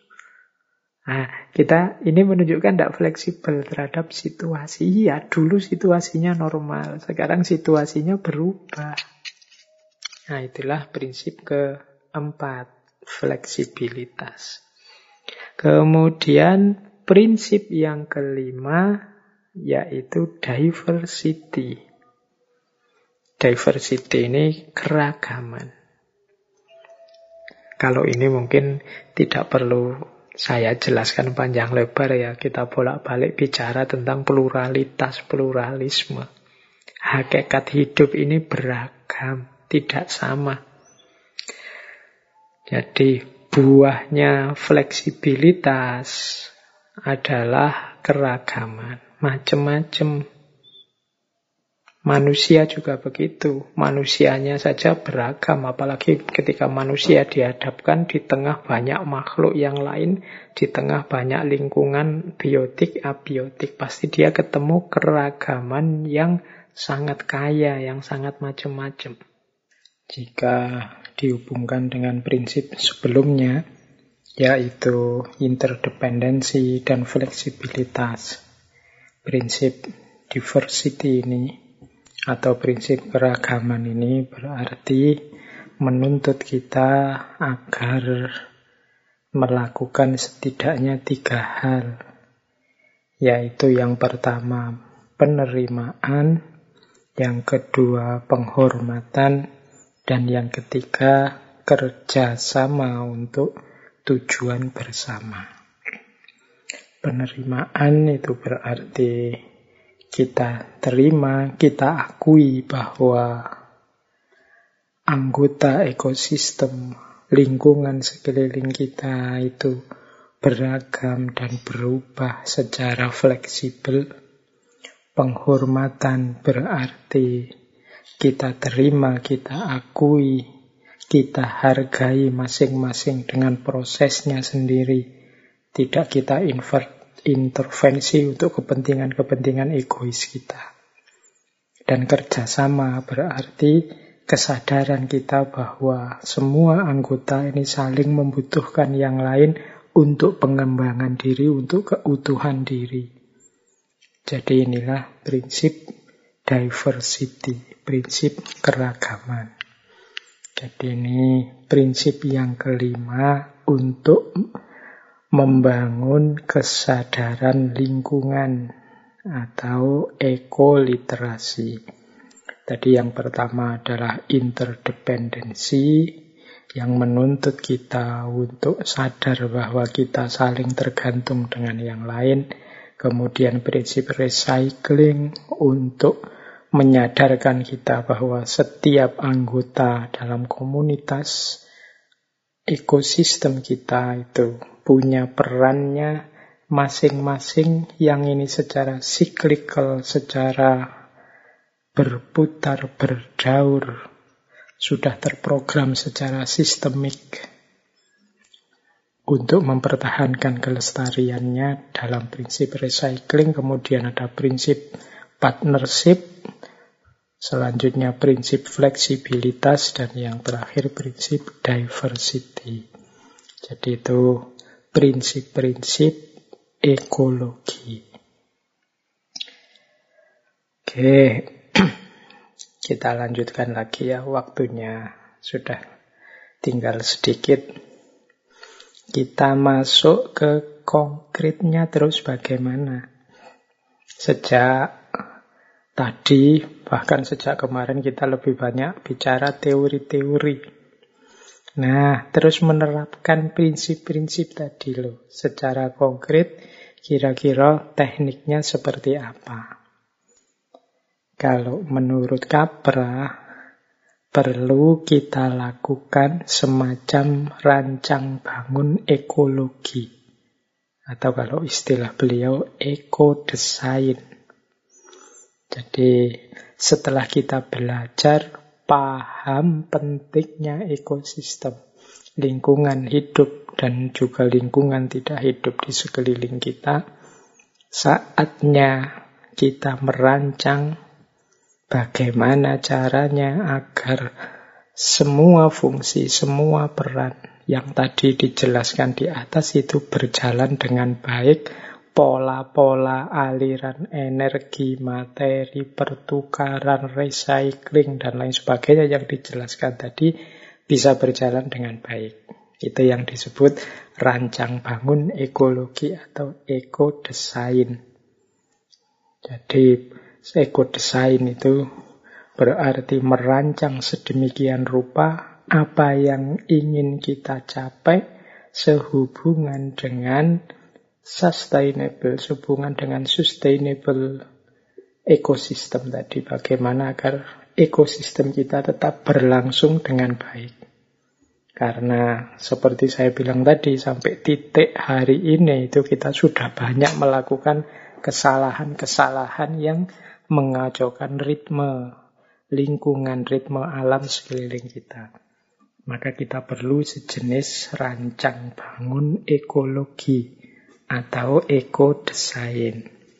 Ini ada beberapa contoh yang ditampilkan oleh Kapra sehubungan dengan rancang bangun ekologi ini. Misalnya, yang pertama, rancang bangun pengelolaan limbah.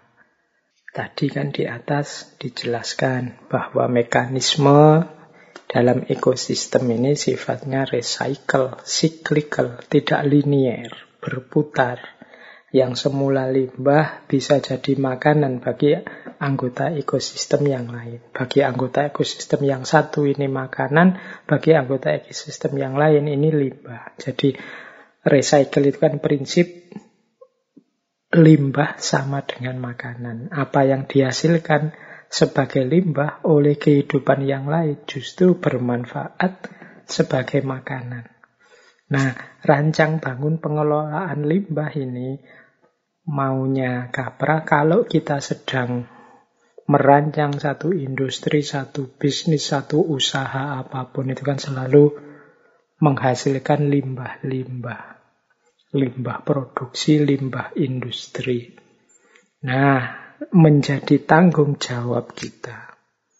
Agar limbah-limbah ini yang dalam industri atau produksi kita adalah barang buangan, kita harus mengukur dan menghitung atau mengolah agar limbah tadi menjadi makanan atau dimanfaatkan untuk kegiatan selanjutnya atau menjadi makanan bagi organisme yang lain yang ada dalam ekosistem kita. Jadi biar tidak limbah berhenti jadi limbah nanti numpuk merusak ekosistem. Dia harus ada manfaatnya, ada perannya. Bisnis apa pun. Ini usaha apa pun. Sehingga tidak ada limbah yang terbuang percuma. Sampai pada titik nanti dikenal zero waste, nihil limbah. Jadi tidak ada lagi limbah, karena limbah ada gunanya, limbah apa pun. Ini saya tidak tahu Mungkin teman-teman punya usaha apa, punya industri apa, rancanglah juga teknologi pengelolaan limbahnya. Agar limbah ini tidak jadi problem tersendiri dalam ekosistem kita. Kalau bisa kita lakukan yang seperti ini, maka proses daur ulang yang sesuai dengan ekosistem kita akan lahir dan ini akan mempertahankan situasi mempertahankan kondisi ekosistem kita. Jadi ini contoh rancang bangun. Jadi kalau nanti misalnya kita punya industri, punya usaha, kan mestinya ada limbahnya, entah dalam bentuk apa. Syukur-syukur limbah ini adalah makanan bagi anggota ekosistem yang lain. Mungkin bagi virus-virus atau zat-zat pengurai yang ada di dalam tanah dan lain sebagainya. Kalau tidak, kita harus punya semacam teknologi pengelolaan limbah dari sesuatu yang dibuang menjadi sesuatu yang bisa dimanfaatkan atau berguna. Mungkin jadi pupuk kah, mungkin jadi untuk kepentingan apa dan lain sebagainya. Jadi ini contoh yang pertama dari rancang bangun pengelolaan limbah ini jenisnya eco design itu seperti ini. Jadi kita merancang aktivitas-aktivitas kemanusiaan yang penting untuk kita tapi tidak merusak ekosistem. Ini contoh yang pertama. Contoh yang kedua, rancang bangun gedung. Nah, ini kan di mana-mana sekarang kita banyak menanam gedung, tidak lagi menanam pohon, tidak lagi melakukan penghijauan, kita kekurangan ruang hijau yang terbuka. Nah, Capra menyarankan, yo meskipun kita memang butuh gedung untuk tempat tinggal, untuk kebutuhan-kebutuhan kita, yo kalau bisa rancang bangun gedungnya itu dengan kearifan ekologis. Jadi misalnya kita membangun gedung tapi yang memanfaatkan kemurahan alam sebagai aktivitas untuk hemat pemakaian energi. Misalnya biar tidak terlalu banyak habis listrik untuk lampu, mbok yo kita bangun gedung itu yang kalau siang hari sinar matahari bisa masuk sehingga ruangan-ruangan dan kamar kita bisa terang. Nah ini namanya rancang bangun gedung yang ramah lingkungan. Daripada kita boros listrik, boros energi untuk masang AC, mbok yo kita buat kita rancang gedung yang aliran udara semilir angin bisa masuk mendinginkan ruangan tanpa memerlukan AC. Daripada kita boros energi misalnya untuk pemanas air atau untuk masak dan lain sebagainya, kalau bisa mbok yo kita rancang teknologi yang memanfaatkan energi matahari untuk pemanas yang kita pakai di dalam rumah, dan lain sebagainya. Ini namanya rancang bangun gedung yang ramah lingkungan.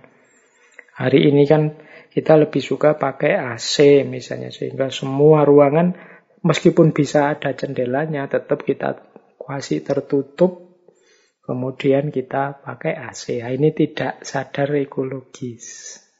Harusnya kalau memang memungkinkan ya kita bikin ruangan yang dengan jendela, dengan pintu yang memungkinkan udara masuk tanpa kita butuh AC.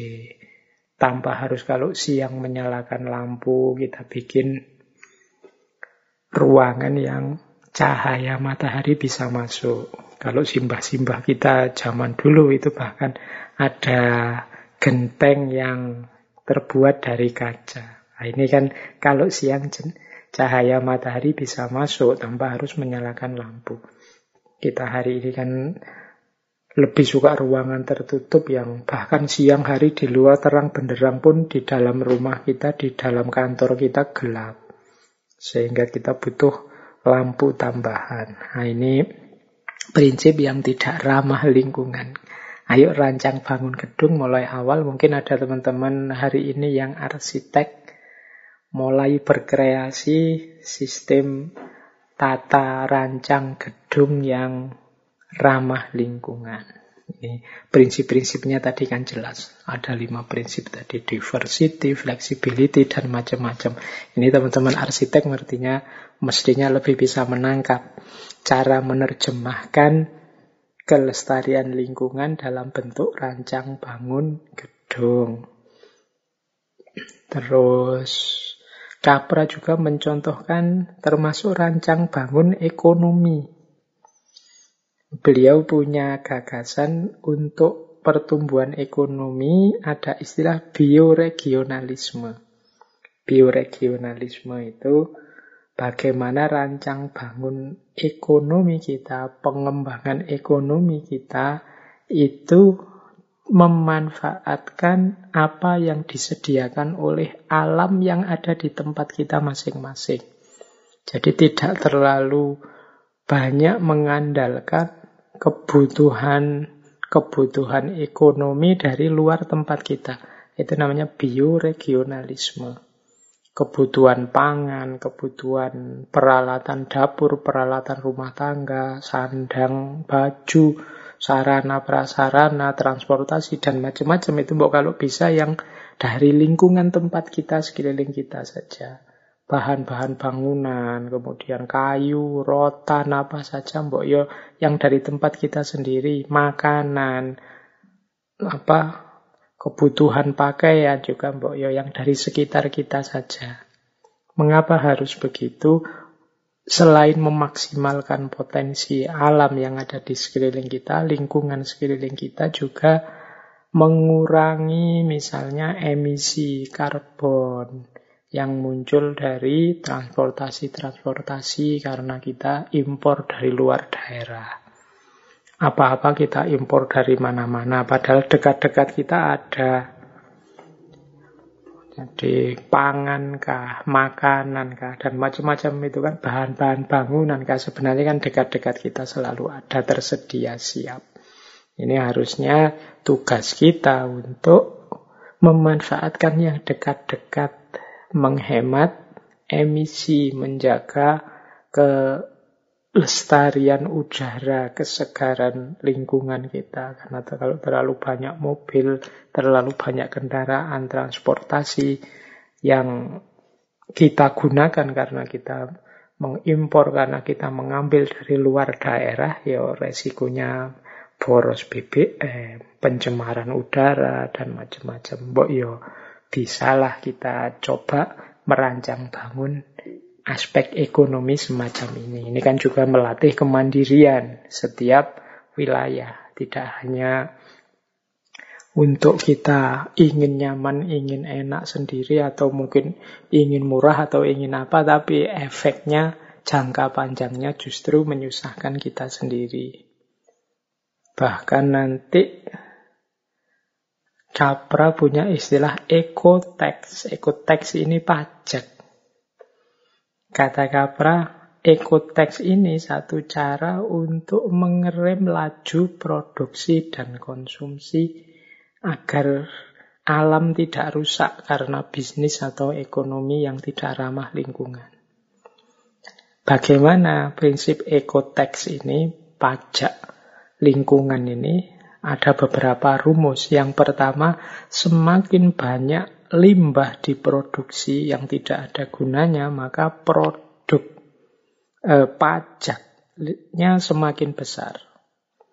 Jadi ada pajak lingkungan yang kalau, oh ini pabrik ini kok banyak sekali limbahnya. Semakin banyak limbahnya berarti ya semakin besar pajaknya. Pajak namanya pajak lingkungan.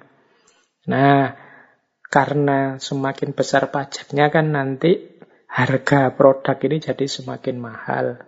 Kalau semakin mahal kan akhirnya tidak terbeli. Konsumen pun jadi tidak mampu membeli, akhirnya mereka semakin hemat. Jadi ketika pajaknya tinggi, orang tidak bisa beli, nah, masyarakat kan jadi hemat. Kemudian akhirnya perusahaan atau industri itu harus berpikir dua kali untuk semakin memperbanyak limbah. Ini namanya ecotax. Termasuk juga ecotax itu misalnya untuk konsumsi energinya. Misalnya kalau lebih banyak menggunakan energi fosil, ya pajaknya lebih besar. Energi fosil itu ya energi yang kita gali langsung barang tambang yang bisa habis. Nah ini pajaknya semakin besar. Tapi kalau menggunakan energi-energi dengan energi yang bisa terbarukan, misalnya matahari, panas bumi, angin, ini kan mudah didapat, gampang terbarukan. Nah ini pajaknya bisa lebih rendah. Tapi kalau menggunakan energi-energi yang bisa mudah habis, ya berarti pajaknya semakin tinggi. Ini namanya eco tax. Nah, ini contoh-contoh dari eco design. Jadi melakukan apa pun, apakah itu tentang limbah, tentang gedung, tentang ekonomi, bahkan tentang pajak, mempertimbangkan ekologi, mempertimbangkan situasi ekosistem lingkungan hidup sekeliling kita. Demi tadi perbaikan-perbaikan. Wong ini juga untuk kehidupan kita sendiri sebagai manusia. Baik, terakhir ini tentang ekoliterasi. Ini tadi sudah disinggung tujuannya adalah sustainable community agar kita sebagai komunitas ekosistem kita ini tetap lestari termasuk keberadaan manusia di muka bumi ini. Nah, kalau versi ekoliterasinya Kapra apa sih yang kemudian harus kita lakukan? Ini dibagi yang kita lakukan ini kita bagi dalam empat hal. Yang pertama head, yang kedua head, yang ketiga hand, dan yang keempat spirit. Ini saya jelaskan ringkas-ringkas saja karena waktunya sudah mau limit ini. Kalau head itu kognitif, pikiran, head, emosi, hati. Yang ketiga hand, aktif, tindakan. Dan yang keempat spirit, koneksional, relasi dalam. Nah, apa yang harus kita lakukan secara pikiran? Bagaimana memanfaatkan pikiran kita dalam rangka ekoliterasi? Yang pertama kalau versinya Capra adalah mari kita kelola isu dan situasi problem-problem lingkungan di sekeliling kita dengan tadi perspektif sistem membacanya secara utuh, bertujuan, memperhatikan input yang kita berikan, dan lain sebagainya. Jadi, cara membaca secara sistem. Yang kedua, kita harus paham prinsip-prinsip dasar ekologi. Ini yang tadi antara lain kita jelaskan lima tadi, itu kan prinsip-prinsip dasarnya itu kita harus paham. Ini secara kognitif. Yang ketiga, kita harus kritis dan kreatif.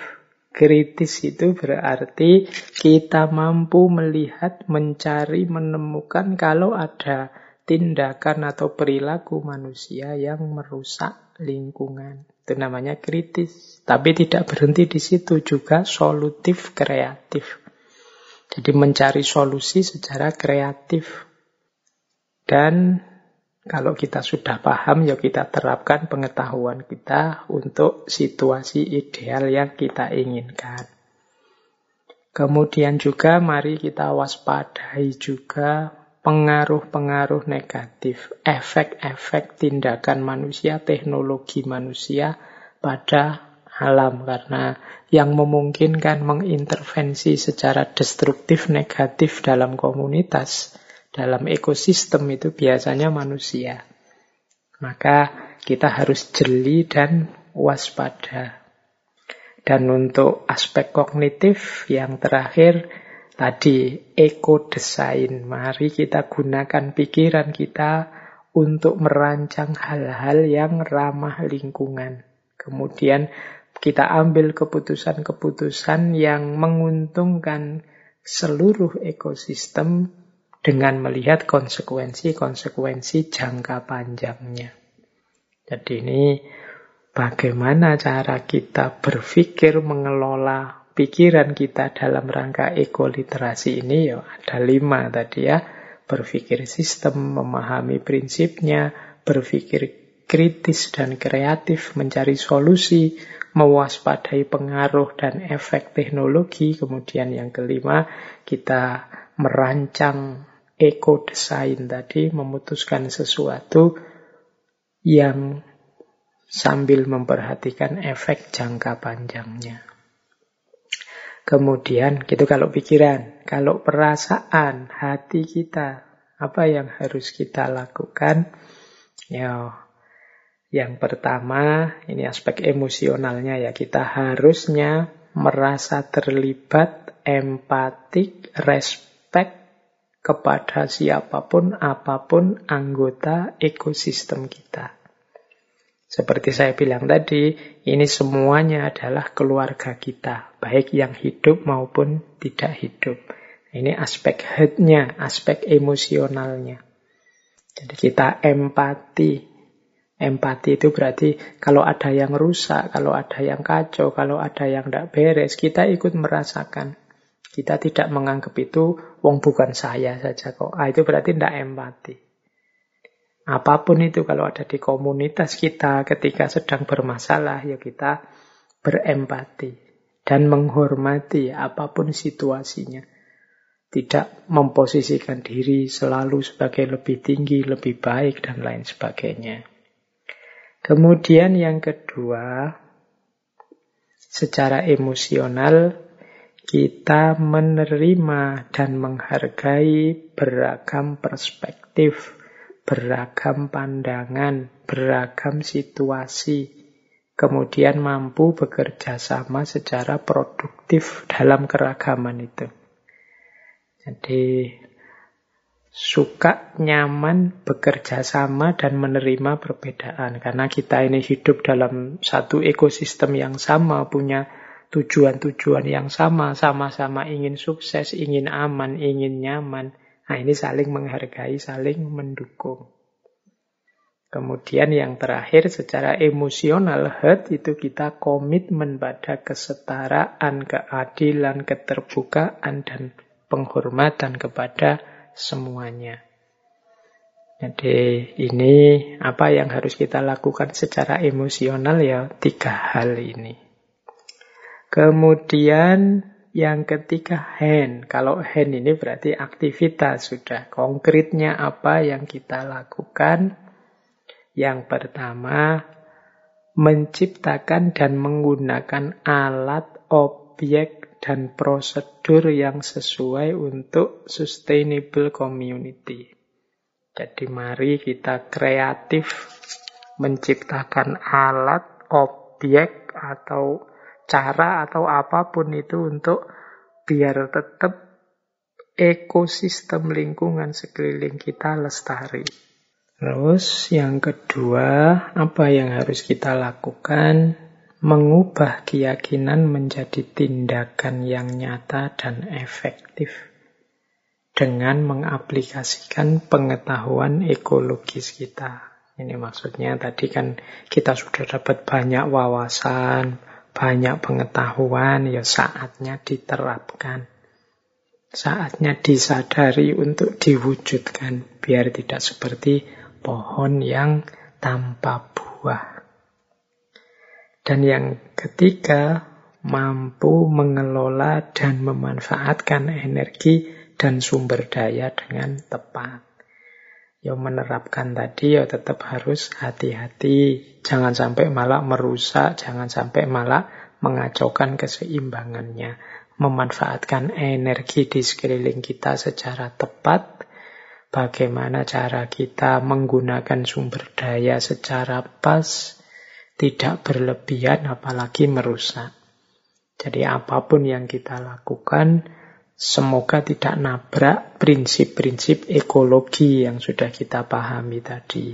Nah, ini yang melalui hand atau aktivitas. Jadi yang pikiran tadi ada lima, yang urusan emosional ada tiga, yang hand ini ada tiga juga. Yang terakhir spirit.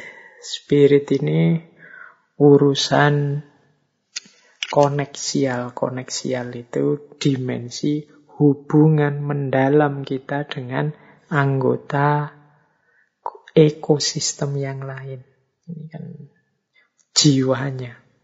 Jadi kita ini satu jiwa, satu rasa dengan anggota ekosistem yang lain.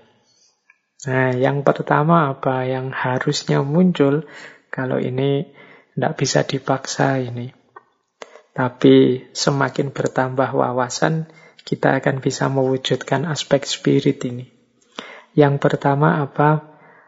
Merasakan keagungan, merasakan dahsyatnya, merasakan pentingnya alam. Jadi ini yang pertama.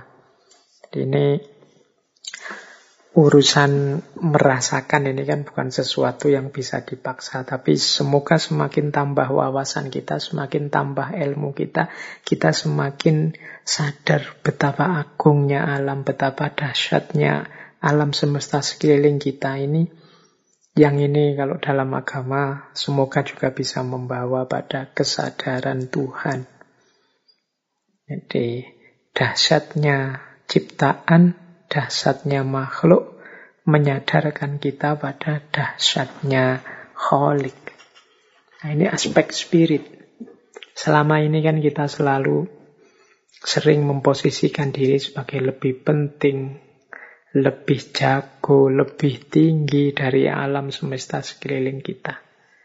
Maka saatnya kita merasakan bahwa semua anggota ekosistem lingkungan sekeliling kita ini punya perannya sendiri-sendiri, punya fungsinya sendiri-sendiri, punya kedahsyatannya sendiri-sendiri. Begitu kita ngerti ilmunya, kita akan terkagum-kagum.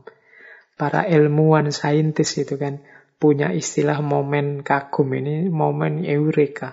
Momen ketika wow, ketika kita paham betapa mekanisme alam ini, lingkungan sekeliling kita ini begitu dahsyat. Kalau kita pahami. Nah ini aspek koneksial. Ini bisa membuat kita tersentuh, membuat kita sadar bahwa kita bukan yang paling tinggi, kita bukan yang punya hak untuk mengeksploitasi habis-habisan tanpa ukuran. Nah, setelah itu yang kedua, kalau sudah sadar posisi kita yang tidak boleh sombong, merasa lebih tinggi, baru menghargai dan menyayangi semua yang ada di dalamnya. Kita hargai lingkungan kita, kita sayangi semua anggota biotik maupun abiotik yang ada di dalamnya, kita berikan hak-haknya. Tidak kita kangkangi hanya untuk kepentingan kita saja. Ini aspek spiritnya. Dan yang ketiga, kita merasakan bahwa kita dan mereka itu adalah saling terhubung, saling dekat, saling butuh. Pertumbuhan kita tergantung pada mereka, demikian juga kelestarian mereka, keberadaan mereka tergantung pada kita. Nah ini kesadaran spirit, ya ini kalau dilanjutkan bisa jadi kesadaran spiritual, kesadaran koneksional kita dengan anggota makhluk dalam komunitas ekosistem kita. Ini aspek koneksial. Jadi kalau head kita, pikiran kita sudah seperti yang dijelaskan ini, kemudian emosi kita, batin kita sudah seperti itu, hand kita, aktivitas tangan kita sudah punya ciri, dan secara spirit, kejiwaan, koneksial kita punya tiga karakter tadi, insya Allah akan muncul sustainable community. Komunitas yang lestari. Jadi kebersamaan kita dengan lingkungan hidup sekeliling kita yang nyaman dan aman akan terus berlanjut.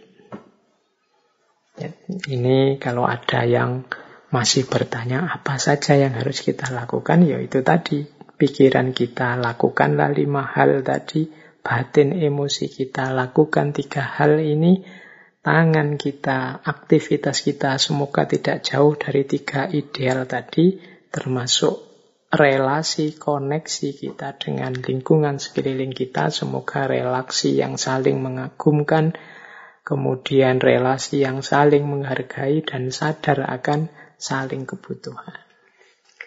Baik, ternyata waktunya sudah mepet, mungkin malah sudah sampai harus saya akhiri. Uh, saya tutup saja dengan satu quotes. Ini satu quotes ini rencana saya kapan-kapan kita angkat lagi satu tema yang lebih dalam dari Fritjof Capra ini yaitu hubungan antara ekologi dan spiritualitas. Keberagamaan. Kalau malam hari ini kan kita lebih membahas ekologinya. Yang memang jembatan ekologi ini bisa berhubungan dengan spiritualitas. Kata Capra, ecology and spirituality are fundamentally connected because deep ecological awareness ultimately is spiritual awareness. Ini kan menarik. Ekologi dan spiritualitas itu hakikatnya saling berhubungan. Sebab kesadaran ekologis yang mendalam hakikatnya adalah kesadaran spiritual. Pikiran-pikiran kapra memang nanti arahnya ke sini. Tapi karena waktu ya tidak mungkin kita bahas semuanya. Nanti teman-teman malah bosen wong yo ngaji malam hari ini saja kan sudah ngantuk-ngantuk bertahan mati-matian yang memang ingin istiqomah. Ya semoga kita mendapatkan manfaat, maslahat, dan barokahnya. Nanti kita lanjutkan entah kapan tema ekologi and spirituality. Mungkin bisa kita awali minggu depan, kita pancing sejenak dengan tema ini melalui Sayyid Hussein Nasr. Baik teman-teman, untuk malam hari ini saya kira cukup ya. Kurang lebihnya mohon maaf, mohon dimaklumi kalau ada selip-selip kata, salah-salah ngomong. Karena betapapun tambah banyak bicara itu mestinya tambah banyak salahnya. Mohon dimaklumi, mohon dimaafkan. Wallahul muwafiq, wallahu a'lam bisawab. Wassalamualaikum warahmatullahi wabarakatuh.